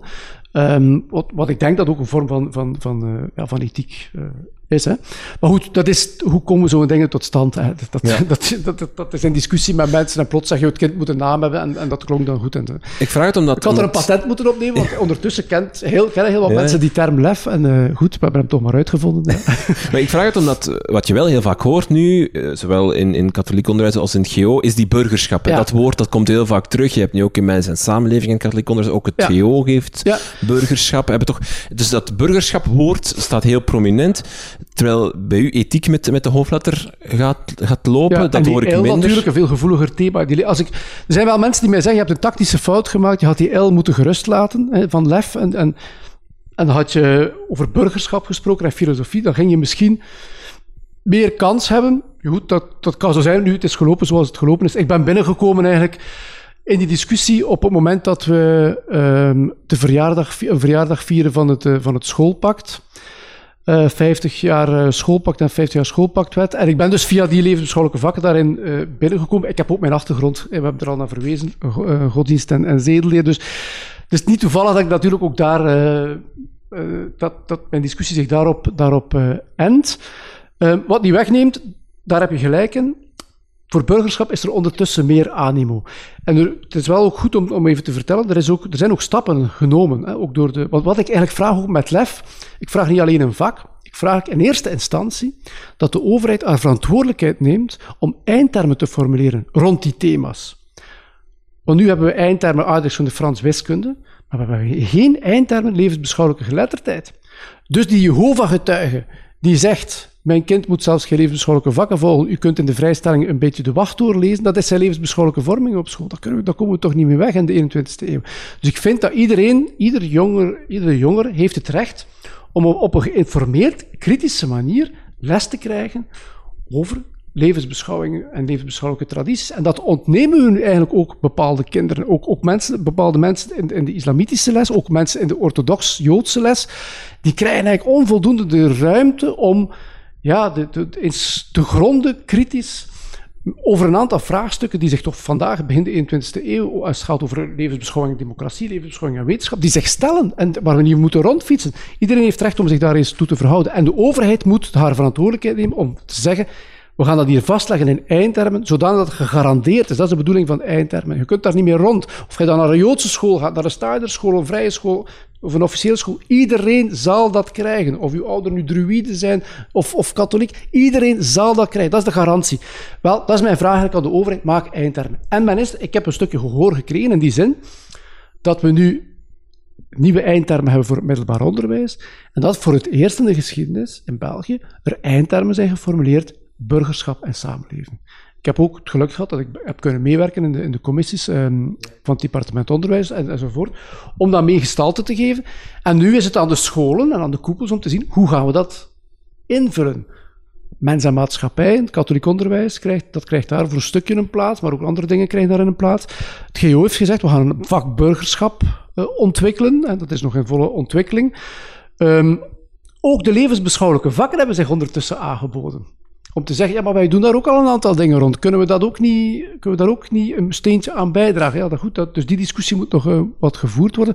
Maar dat is waar we nu staan. En nu dus voor het eerst, uh, afgelopen schooljaar, hebben, hebben jongeren uh, um, in het eerste middelbaar zij zijn geconfronteerd geworden, en ook die leerkrachten, met eindtermen burgerschap. En voor de komende graden worden die nu, zijn, zitten die nu in de eindfase en zullen die binnenkort door de Vlaamse regering worden goedgekeurd. En dat vind ik een stap vooruit. Ik vind dat de overheid de plicht heeft hè, om de uitgangspunten, want dat is voor mij voor een groot stuk ook burgerschapseducatie, de uitgangspunten van ons samenlevingsmodel uit te leggen. Waarom vind ik dat belangrijk? Men gaat er, tot nu toe gaan we er eigenlijk vanuit dat mensen als democratie, als het ware met de paplepel of genetisch meekregen. Maar dat is natuurlijk niet zo. Hè. Mensen worden niet geboren als democraat. Mensen worden, worden, moeten democratisch gevormd worden. En dat kan in de jeugdbeweging, dat kan een stuk thuis. Maar dat hoeft, dat kan ook op school. En hoe dom kun je nu eigenlijk zijn als je zegt, ik vind het democratisch samenleven op basis van mensenrechten, grondrechten enzovoort superbelangrijk, maar we gaan dat niet uitleggen op school. Nee, je moet dat uitleggen op school. En niet alleen uitleggen, je moet daar mensen warm voor maken. Als IS mag ronselen voor haar samenlevingsmodel, mogen wij dat als democraten ook. we moeten dus, we hebben er al even dat woordje aangeraakt, we moeten neutraal zijn, ja, maar niet op alle punten. In ons onderwijs zijn we niet neutraal over de vraag dat 2 plus 2 4 is. 2 plus 2 is 4. En als je daar een andere mening over hebt, zal ik zeggen, sorry. Als jij zegt, eh, de holocaust heeft niet plaatsgevonden, ja goed, je mag dat eventueel zeggen in de publieke ruimte, alhoewel er ook een wet is in België die zegt dat dat niet mag. Maar in het onderwijs heeft dat absoluut geen plaats. En hetzelfde geldt voor, uh, ja, voor, voor, voor, allerlei thema's. Dus de wetenschappelijke kennis, daarover zijn we niet relativistisch en niet neutraal. En hetzelfde geldt voor mensenrechten, non-discriminatie, gelijke kansen, gelijkheid man en vrouw, al dit gelijkwaardigheid. Dit zijn uitgangspunten van ons samenlevingsmodel, waar we niet neutraal moeten over zijn en waarvoor, waarvoor we het onderwijs ook mogen gebruiken om die bij jonge mensen te krijgen. En de hele discussie rond burgerschap heeft uh, de wind in de zeilen gekregen. Beetje ongelukkige oorzaak was, waren de aanslagen onder andere. Doordat plots terrorisme dichtbij komt, door het fenomeen van de Syrië-strijders, plots ziet men, oei, er zijn hier meer dan 500 mensen, jonge mensen, die hier opgroeien, die onze samenleving de rug toekeren om bij IS te gaan vechten. Ja, maar hoe kan dat? En, en dit heeft ermee voor gezorgd dat er een soort bewustzijn is ontstaan van ja, we moeten, we moeten misschien toch iets rond democratische geletterdheid ook gaan doen. En op die manier is die, die uh, steen aan het rollen gegaan. Eigenlijk zegt u bijna onderwijs gebruiken als een soort van propaganda voor de democratie of, en voor onze mensenrechten. En voor ja, onze... maar propaganda klinkt slecht, omdat ja. propaganda indoctrinatie uh, impliceert. Um, maar is het dat ook niet? Nee, maar ik wil, kijk, dus de... de... Is, is het niet van, bepaalde dingen moeten we niet... Hey, 2, 2 plus 2 is 4, we gaan, die nee. discussie gaan we niet voeren. Als nee. je daar niet mee akkoord zet, dan is het niet onze samenleving, sorry. Ja, en, ja dus die grens is dun. Als, de evolutietheorie is een mooi voorbeeld. Kan er een discussie in de, in, de, in de klas ontstaan over of de holocaust al dan niet heeft plaatsgevonden? Of is het daar gewoon de leerkracht die het uitlegt en vertelt wat er gebeurd is en de ja. leerlingen die zeggen, ah, oké, okay, zo dus. Ja, dat is eigenlijk de bedoeling. Maar het kan zijn dat je tactisch gesproken uh, qua, qua, leer, qua uh, hoe zeg, werkmiddelen of zo, dat je daar wel probeert om bijvoorbeeld, als je weet dat er holocaust-onderkenners of sceptici in de, in de, klas, dat je probeert om hen op de een of andere manier ook eerst wat een beetje ja, speelruimte te of hen te, te probeert te beluisteren om dan uw, uw boodschap te brengen. Uh, maar de evolutietheorie is een beter voorbeeld nog, omdat daar mensen zijn die zeggen, wij geloven niet in de evolutietheorie. Uh, wat, wat is het standpunt dan dat ik verdedig? Is, je moet het geven aan jongeren. Je mag ook op het examen testen of ze die evolutietheorie begrijpen, maar je kunt nooit vragen aan hen, hang je de evolutietheorie aan of zo? Of vind je die... Vind je, ja, dus ja, ja, dus daar ligt de scheidslijn. En hetzelfde geldt voor democratie, strecto sensu. Je kunt pleiten, proberen jongeren warm te maken voor actief burgerschap, bepaalde vormen van engagement, bepaalde opvattingen van respect voor diversiteit enzovoort. Maar je kunt, maar je kunt dat niet volledig afdwingen via, via examens. Hè. Dus daar, daar heb je... Ja, daar, zet je, daar loop je toch ergens wel, wel wel vast. Hè? Dus dat, dat... Maar je mag wel de vraag op het examen zetten: heeft de Holocaust bestaan? Ja of nee? En ja is het enige juiste antwoord. Ja. Eh, ook al is dat, ontkent die persoon dat, haalt hij tal van. Ja. Uh... Maar een andere, wat een andere vraag ook zou kunnen zijn: je mag ook, je mag ook eigenlijk eh, negationisme behandelen, vind ik. Maar dan moet je wel zeggen: kijk, die persoon zegt dat en dat over het niet bestaan van de Holocaust. Hij haalt daar die en die redenen bij. En dan, haal je er ook, dan zeg je er ook al bij. Maar dit uh, dat ligt onder zware kritiek, want er zijn wel heel veel feiten die aantonen dat wat die persoon daar beweert helemaal niet klopt. Dat is ook de manier waarop ik bijvoorbeeld creationisme behandel in mijn lessen. Ik zeg, er zijn mensen die creationistisch denken. Dat betekent dat zij geloven dat God de mens heeft geschapen en de soorten heeft, heeft geschapen en dat er geen evolutie is. Dat die soorten al bestaan van, vanaf bij de schepping. Ik leg uit waarom die mensen dat denken, dat dat ook een bijbelse achtergrond heeft enzovoort. Maar dan leg je ook uit dat dat een theorie is die vanuit wetenschappelijk oogpunt complete nonsens is. En dat we veel beter weten. En, dat we, en, dat, en, dan leg je ook uit hoe, wat de evidentie is en, en de logica is achter, achter, de, de, achter de evolutietheorie zoals Darwin en de mensen na hem dat geformuleerd hebben. En dan kan je alleen maar hopen dat mensen die daar eerst sceptisch tegenover stonden, dat die dan toehappen en zeggen, aha, ja, dat zit zo in elkaar, dat is, dat is logisch, dat zou wel, enzovoort. Hoe, hoe ver kan die... Want uiteindelijk zeg je, het onderwijs is niet neutraal, want sommige dingen hebben we beslist of zijn onze waarden zijn onze, onze, uitgangspunten. Onze uitgangspunten. Ja. Klimaat is bijvoorbeeld zo een, een hangijzer van, ook is dat is eigenlijk voor 99% wetenschappelijk bewezen, alleen 99,999. Ja. Toch is daar veel verdeeldheid over in de samenleving. Ja. Uh, moet dan toch een leerkracht, misschien mezelf meer zoals jij zei, van kijk, er zijn mensen die het ontkennen, maar... Ja. Ik denk dat klimaat, wat je, wat, je, wat je moet doen rond klimaat, is op zijn minst de wetenschappelijke consensus tussen aanhalingstekens, want wetenschappers discussiëren ook vaak nog onderling eh, rond dingen die misschien niet helemaal uitgeklaard zijn. En bepaalde modellen goed, variëren ook wel, afhankelijk van de variabelen die je erin steekt over de toekomst. Um, maar je moet daar wel proberen, dus wat, wat wetenschappers uh, zeggen en wat die modellen zeggen, moet je, moet je, dat moet je uitleggen aan jongeren. Hè. Waar natuurlijk het grote punt zit, is hoe belangrijk moet je zoiets vinden? Stel nu dat je aantoont, oké, de aarde gaat, op, gaat opwarmen. Ja, iemand kan zeggen, who cares? Vroeger is de aarde nog afgekoeld. dat gaat wel een nieuw evenwicht vinden, zeker. Hè? We zien wel, ja. hè? Nou, goed, ja. Andere mensen zeggen, nee, we moeten daar actie rondvoeren. Ja, oké. Dat is al een punt hè, waar, waar je discussie kunt over hebben. Als je actie wil voeren, dan moet je ook al... In welke zin gaan we actie voeren? Tegen kernenergie, voor kernenergie? Gaan we op straat komen, niet op straat komen? En daar, denk ik, moet je wel uh, voorzichtig zijn. Ik, ik, ik, keek, ik vond het niet correct dat er vanuit de scholen uh, een soort uh, oproep kwam op een bepaald moment om bijvoorbeeld met een klimaatbetoging ja. mee te stappen. Dat vind ik echt niet oké.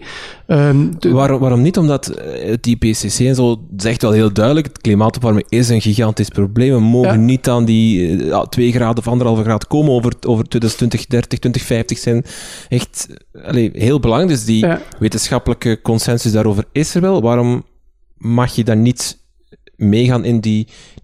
Waarom mag de boodschap niet zijn in een klas? Jongens, het klimaat warmt op, daarom, daarom, daarom. En we moeten actie ondernemen, want anders hebben we een gigantisch probleem.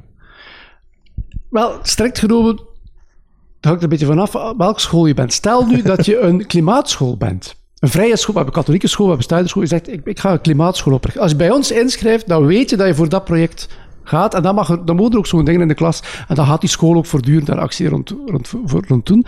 Maar de meeste scholen zijn geen klimaatschool. En dus zitten daar ouders van allerlei gedachtegoed. En vind, dat is, dat, daar moet je ergens rekening mee houden. Wat je wel als school kunt meegeven is, als je, als je die doelstellingen wilt halen van het IPCC, en dan, dan gaat er inderdaad actie moeten komen. Maar of jij nu met die school die actie echt moet Ja. gaan voeren, dat is nog een andere kwestie. Nu, als er voldoende animo is binnen een klas, want ik, ik, ik heb zelf meegemaakt bij mijn, bij mijn kinderen op school, waar er wat projectwerk is, en ze hadden zo'n project ook rond, rond, rond duurzaamheid. Op een bepaald moment vindt men het klassikaal, is men ervan overtuigd, wij willen ook een actietje doen. En, en goed, dan, dan, dan, dan, dan kan je dat doen, maar je moet toch altijd wel de alertheid hebben van er zijn mogelijk wel ouders die daar anders over denken, en je moet daar rekening mee houden, dat die ook in de klas zitten. En, dat je, en, dat, en in een betoging lopen vind ik dan ook wel, dat, daar loop je toch wel een beetje achter een vlag. Vaak, ja, er is toch een bepaalde inhoud Ja. achter, waar dan andere mensen misschien niet mee eens zijn. Dus Eh, misschien is Ik de vind- examenanalogie misschien wel terug goed van, je mag op het examen wel vragen, is, het, is er klimaatopwarming en is het zeer ernstig en moet er actie ondernomen worden en dan moet er drie keer ja geantwoord worden. Maar vragen aan de leerling om zelf die actie te ondernemen als soort van deel van, van om te kunnen slagen of zo, dat is een stap Ja. te ver. dat is in principe een stap te ver. Wat niet wegneemt, dat ik wel vind, maar dat is een heel dunne scheidslijn hoor, je moet daar, dat is een beetje zoeken ook in de praktijk. Wat ik, dat, ik vind wel dat de jongeren de kans moet geven om een vorm van actief geëngageerd burgerschap op te nemen en dat de, oefen, dat de school daar ook een soort oefenplaats mag voor zijn. En dus het is een heel dunne scheidslijn. Je, moet, je, moet, je mag zeker niet indoctrinerend werken, maar je moet, je, je moet ook opletten dat de, dat de school geen soort linkse kweekvijver is Ja. van, van progressief gedachtegoed. Dat, dat, mag, dat hoeft niet te zijn. Tenzij je zegt, wij zijn een progressieve school, links-progressieve school. En als je voor ons kiest, dan zijn dat de uitgangspunten. Ja. Maar bijvoorbeeld officieel onderwijs kan dat niet zomaar doen. Ik herinner mij het moment dat... ehm, en dat is natuurlijk het probleem burgerschapseducatie in zijn- in zijn algemeenheid. Ik, ik herinner het moment dat Trump verkozen was in de Verenigde Staten. Mijn vrouw staat in het onderwijs. En de algemene teneur is bij de weldenkende leerkrachten: wat is dat nu? Ja. Trump verkozen. Wat blijkt? Er zitten op school wel een paar leerlingen wiens ouders dat goed vinden dat zo iemand als Trump verkozen is. Of Erdogan, die een soort referendum organiseert om zichzelf meer macht toe te kennen in de toekomst enzovoort. Wij vanuit correct democratisch oogpunt zeggen dat moet, dat moet je niet aan meedoen enzovoort. Maar er zitten natuurlijk ouders of kinderen eh, met Turkse afkomst, wiens ouders dat getekend hebben, die grote fan zijn van Erdogan. Dus je moet dat allemaal. eh, dus, is- en, dus, en dan is een vorm van ja, stukje neutraliteit behouden in die kwestie, is een pluspunt om iedereen mee te blijven krijgen. En, dus, en je kunt wel zeggen, bijvoorbeeld rond Erdogan, dat er, dat er bijvoorbeeld vanuit democratisch oogpunt, dat er daar haken en ogen zijn enzovoort. Maar je moet wel opletten dat je niet binnenkomt met een, met een meteen volledig veroordelend discours over bepaalde... Als ik de Mensen- klas binnenkom en ik zeg, ehm, eh, in Vlaanderen, in België, is er institutioneel racisme. Er is georganiseerd racisme. Onze structuren houden racisme in stand en, en zijn racistisch. Ga ik dan mijn boekje te buiten als leerkracht? Ook al kan ik het staven met cijfers, materiaal, met Ja. de duidelijke kloof die nog steeds is op de arbeidsmarkt, Ja. op diplomamarkt, op eh, eh, witte aula's, op witte Ja. onderwijs. Maar wat je beter doet dan, denk ik, hoe ik het dan zou aanpakken, is dat je, je kunt je jongeren confronteren of je kunt hen ook daar zelf laten rondwerken en dingen rond opzoeken. Natuurlijk, dat zijn de werkmiddelen. Maar je zoekt eerst... Je, zo- je zoekt die kloof als het ware op, empirisch. En je, en je stelt vast dat er ehm, bijvoorbeeld eh, op de huizenmarkt en in het onderwijs dat er daar nog een probleem is, blijkbaar van doorstroming en gelijke kansen. Ehm, en dan kan je een stap verder gaan en zeggen van kijk, er zijn mensen die, die, dat, die, die deze realiteit benoemen met institutionele racisme. hè. Ehm, er zijn andere mensen die zeggen, ja, let toch op met die term. Want daarmee geef je de indruk dat bijvoorbeeld het onderwijs racistisch zou zijn, terwijl er misschien wel meerdere factoren spelen in het feit dat bepaalde mensen van allochtone afkomst minder doorstromen. Er is misschien ook een taalproblematiek, of er is misschien ook een, een, een, een problematiek van kansarmoede enzovoort die speelt. Dus het is niet, misschien niet allemaal racisme die de boosdoener is. Dus, dus je moet daar eigenlijk, vind ik dan, het, proberen het debat ook uit te leggen. En te zeggen van, kijk, er zijn mensen die dat zo benoemen, er zijn mensen die daar weer kritiek op hebben, daar valt iets voor te zeggen voor dat ene, maar misschien ook voor dat ander. En je hoeft dan niet per se, zelfs als leerkracht, een groot stand- standpunt te nemen. Maar je kunt wel zwart op wit natuurlijk de cijfers geven en zeggen van, kijk, rond, rond, een, aantal, rond een aantal zaken zitten we met een probleem. Zitten we met de vaststelling dat er daar onvoldoende doorstroming is of on- onvoldoende gelijke kans. Er zullen dan ook mensen zijn die, dat kun je dus ook zeggen, die, dan zeggen, ja, maar dat is geen probleem, want zo werkt nu eenmaal vrije markt. Dus je, mijn oplossing voor dit soort dingen is heel vaak schetsen debat. Andere heet. Maar is dat dan niet te, te, soft, denk ik? Zeker voor zo'n racisme-debat, waarin we toch al, al uh, jaren, decennia zo in de marge blijven hangen met, het, met gewoon al het benoemen van het probleem. Daar zijn we al niet uit. We, we, we, we institutioneel racisme, heel veel mensen willen dat niet in de mond nemen. Is het misschien ook te groot? Ik, ik weet het ja. niet. Daar gaat het, dit nu ook niet over. Maar uh, moeten we als, als... Want wanneer is iets gelijk aan 2 plus 2 is 4. De holocaust ontkennen, dan zeggen we dat is eigenlijk hetzelfde. Dat kun je niet doen. Ja, ja. Um, uh, evolutieleer is eigenlijk ook hetzelfde. Dat, ja. maar, maar, maar, klimaat komt wel zo op zo'n een, een, wankel Maar bij gelijkwaardigheid is dat ook niet zo moeilijk, vind ik. Dat ook daar vertrek je vanuit het uh, idee van de mensenrechten en de menselijke gelijkwaardigheid. Dat is ook het idee van waarop een samenlevingsmodel gestoeld is. De overheid mag geen wetten maken, ik zeg maar iets waarin ze de Joden extra belasten ten aanzien van, eh, van andere bevolkingsgroepen, wat we vroeger makkelijk deden, hè, dit soort systeem. Nee, iedereen moet gelijk op voet van gelijkheid behandeld worden. Racisme kan niet. Dat en dus racisme in de zin van, ja, maar u hebt een andere huidskleur dan de mijne. Dus u kunt daarom uh, de bus niet nemen, of u ja. mag daarom geen uh, minder kansen hebben op school enzovoort. Ja, natuurlijk kan dat niet. En dus dat kan je, met, dat kan je veroordelen en daar, daar kan je het ook over, natuurlijk over hebben. Alleen zijn bepaalde realiteiten complexer dan dat. En zijn, bestaat er ook, zijn er ook tendensen, die, die vind ik te veel in de zak van het racisme steken. Er was nog niet zo heel lang geleden, anderhalf jaar geleden ondertussen, een betoging tegen racisme in, in Brussel, waarbij ook, in het, als je dan het pamflet leest, die dan eh, de, de, de betoging staaft, die zeggen, ja, maar levensbeschouwelijke symbolen verbieden aan het loket, dat is ook een vorm van racisme. Dus ambtenaren die mogen geen hoofd...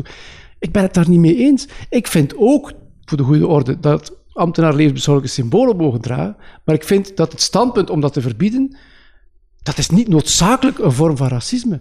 En Frankrijk heeft met in 1905 de wet op de laïcité goedgekeurd, waarin staat, en tot nader orde is die wet van kracht in Frankrijk, dat je als ambtenaar geen levensbeschouwelijke symbool draagt. Men had daar goede redenen voor, vanuit een bepaald idee van staatsneutraliteit, die ook moest afstralen uh, op, de, op, de, op de ambtenaren die het gezegd zijn van de overheid. Je kunt daarvoor of tegen zijn, en ik ben er zelf geen fan van, nogmaals, maar het is geen racisme. Ook dat kan je uitleggen, dat door bepaald woordgebruik het debat snel gepolariseerd raakt. Omdat als iemand zegt, ja, maar jij denkt dus zo over de hoofddoek, ah, dan ben je een racist. Ja, einde discussie, hè, maar met een racist discussiëren je niet. Nee, je moet proberen, zo lang mogelijk toch ook voor een stuk, de, ja, de, de reden waarom mensen bepaalde standpunten innemen, proberen serieus te nemen en, en daarmee in debat te gaan, zonder meteen moraliserend te zijn. Dat, dat is een opdracht, denk ik, waar ook leerkrachten nog wel een groeipad in af te leggen hebben. En het feit dat burgerschap in die eindtermen komt, ja, ben ik wel benieuwd in hoeverre dat we daar ook de leerkrachten gaan in bijspijkeren. Want ik heb daar ook niet de, de, de heilige graal niet voor hoor, maar ik vind wel dat we super alert moeten zijn om ja, ervoor te zorgen dat dat geen ideologische kweekvijver wordt van een, bepaalde, van een bepaald gedachtegoed. Hè. Maar dus- nogmaals, er zijn krijtlijnen in onze samenleving. Hè. Racisme uh, ja, kan, kan niet, hè, punt. En als mensen ook racistische uitspraken doen, dan moet je jongeren daarop aanspreken, eventueel ook bestraffen. Als mensen, uh, of als je leerkrachten, maar dat gebeurt ook, ziet discrimineren of, of, of lastig doen ten aanzien van, van, de, van, van mensen met een andere huidskleur of zo, ja, dan moet de school optreden. Natuurlijk, hè, evident. Um, maar dat is iets anders dan als je puur cijfers hebt en vaststelt dat mensen van Turkse afkomst in Gent minder doorstromen naar de universiteit dan mensen met, van niet-Turkse afkomst, stel dat je dat kunt vaststellen, je kunt dat vaststellen, is dat dan, heeft dat dan alleen met racisme te maken vanuit de universiteit of zo? Vanuit, ja, het is complexer dan dat. Hè? Dus ook die, dat vind ik ook wel belangrijk om aan, aan jongeren mee te geven, dat vaak discussies complexer zijn dan een term erop kleven. De, de leerkracht die, die eh, nu in het, uh, het katholiek onderwijs, mens en samenleving, in het uh, GO, dat vak burgerschap, wie dat in het, ik kan alleen spreken voor het katholiek onderwijs, in het katholiek onderwijs mag ongeveer iedereen dat geven. Ik ga het geven vanaf volgend jaar. Ik heb diploma ja. Nederlands geschiedenis. Ja. Um, dus nooit opleiding burgerschap gehad of zo. Um, de meeste van mijn collega's zijn Nederlands geschiedenis, als ik erover nadenk nu. Ja. Um, is er een gevaar dat dat, dat vak nu, doordat dat zo'n beetje uh, en passant is uitgevonden, zeg ik het even minder warm, maar het is, zo even vlug, en we moesten dat, ja. dat moet erbij komen, het wordt dan voor een uur Nederlands laten vallen, dus het, het, en het, het wordt...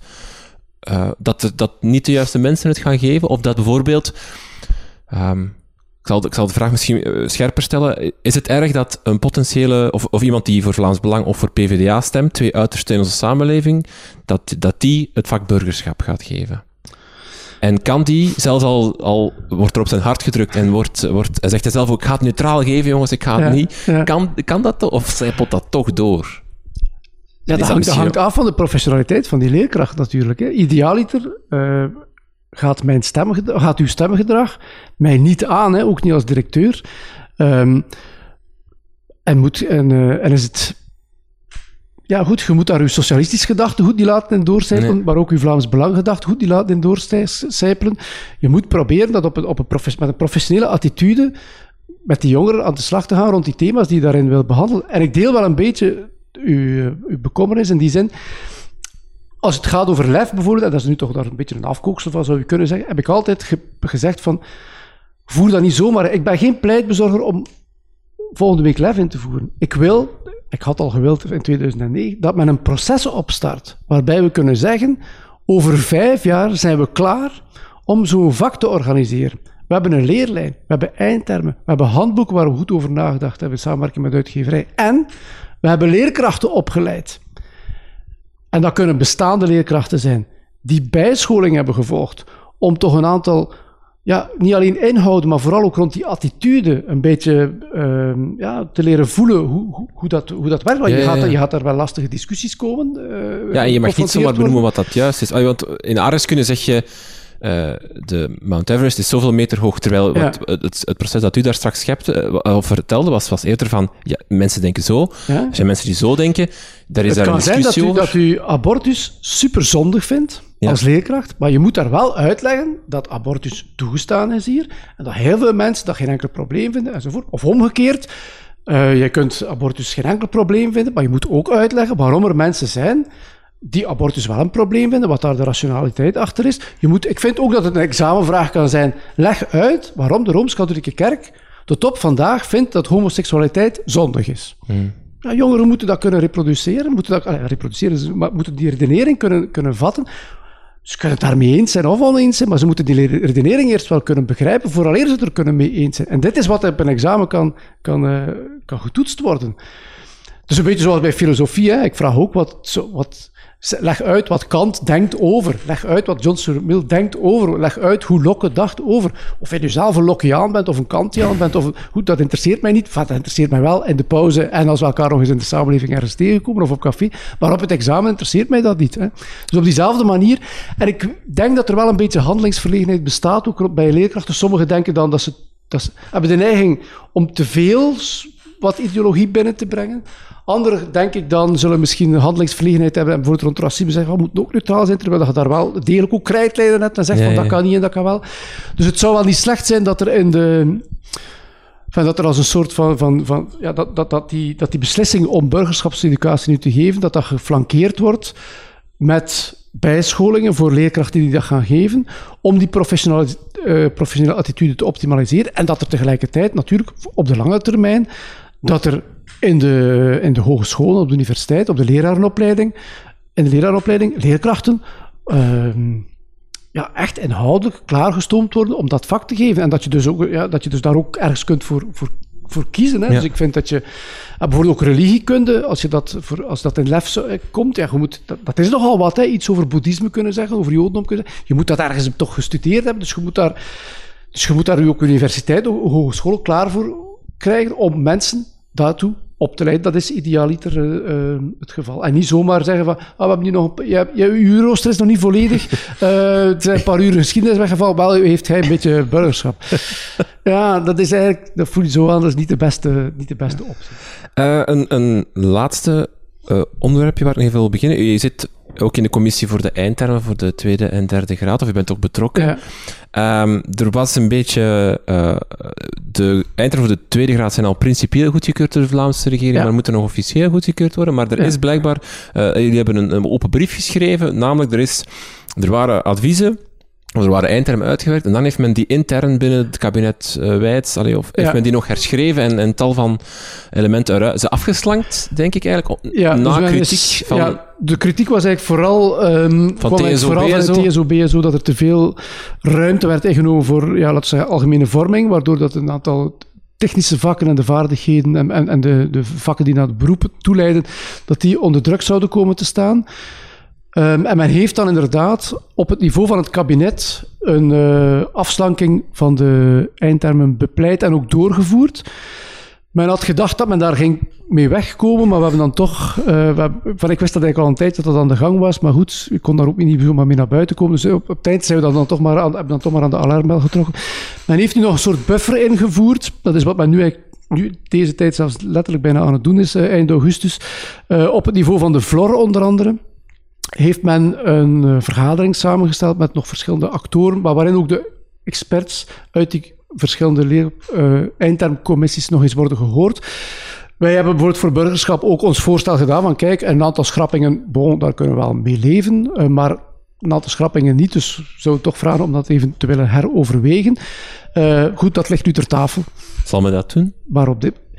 Uh, mijn kleine teen zegt van niet, maar um, ik kan niet op de feiten vooruitlopen. Het, ik weet het, het niet. Het klinkt wel zo'n beetje als, als ja, hoe moet ik het zeggen? Je, je, je, probeert een mooie show op te voeren door inderdaad mooie, heel straffe commissies eh, op te ja. Als je naar die namen gaat kijken, dat zijn allemaal wel experten en, en, en er ja. worden dan sterke, uh, ambitieuze eindtermen uh, geformuleerd, wat ook het doel ja. was van minister Wijt. Ambitie is een belangrijk woord.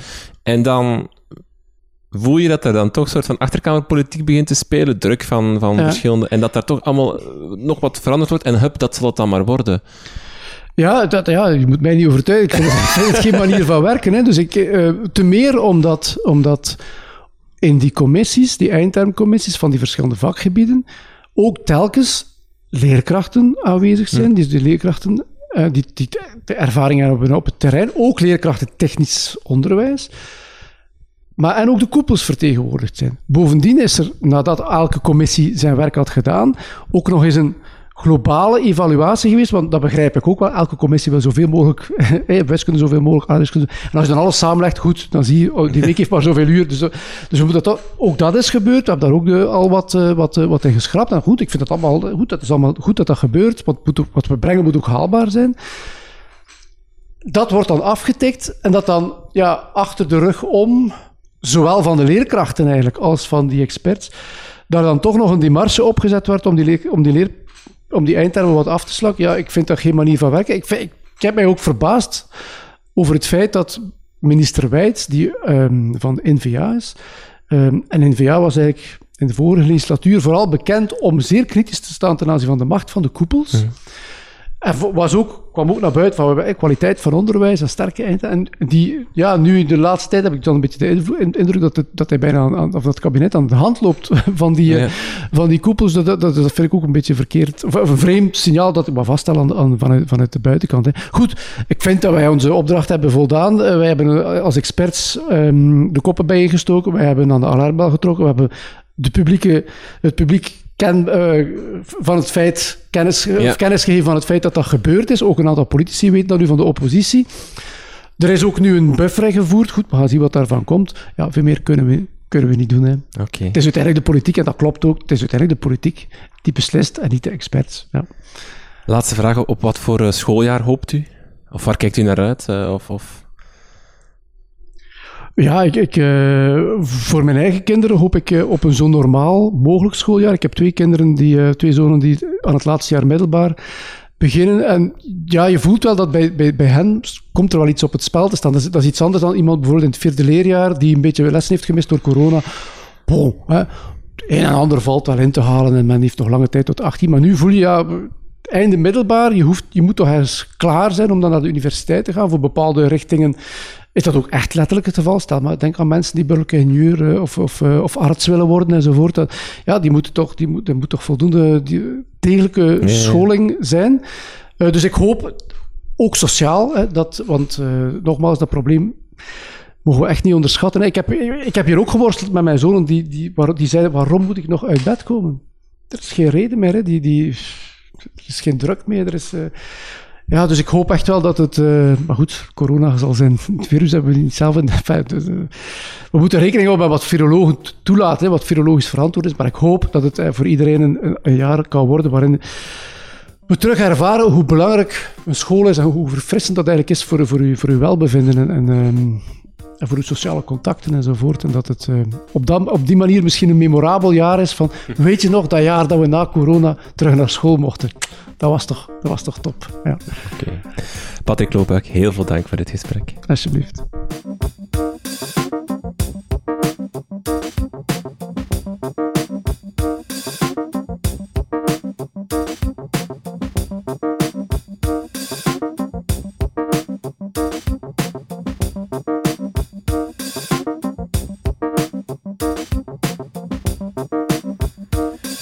Dit was het voor de eerste aflevering van ons seizoen. Volgende week zijn we terug. Wil je meer info over deze podcast, dan kan je terecht op onze website www.dekrijtlijnen.be.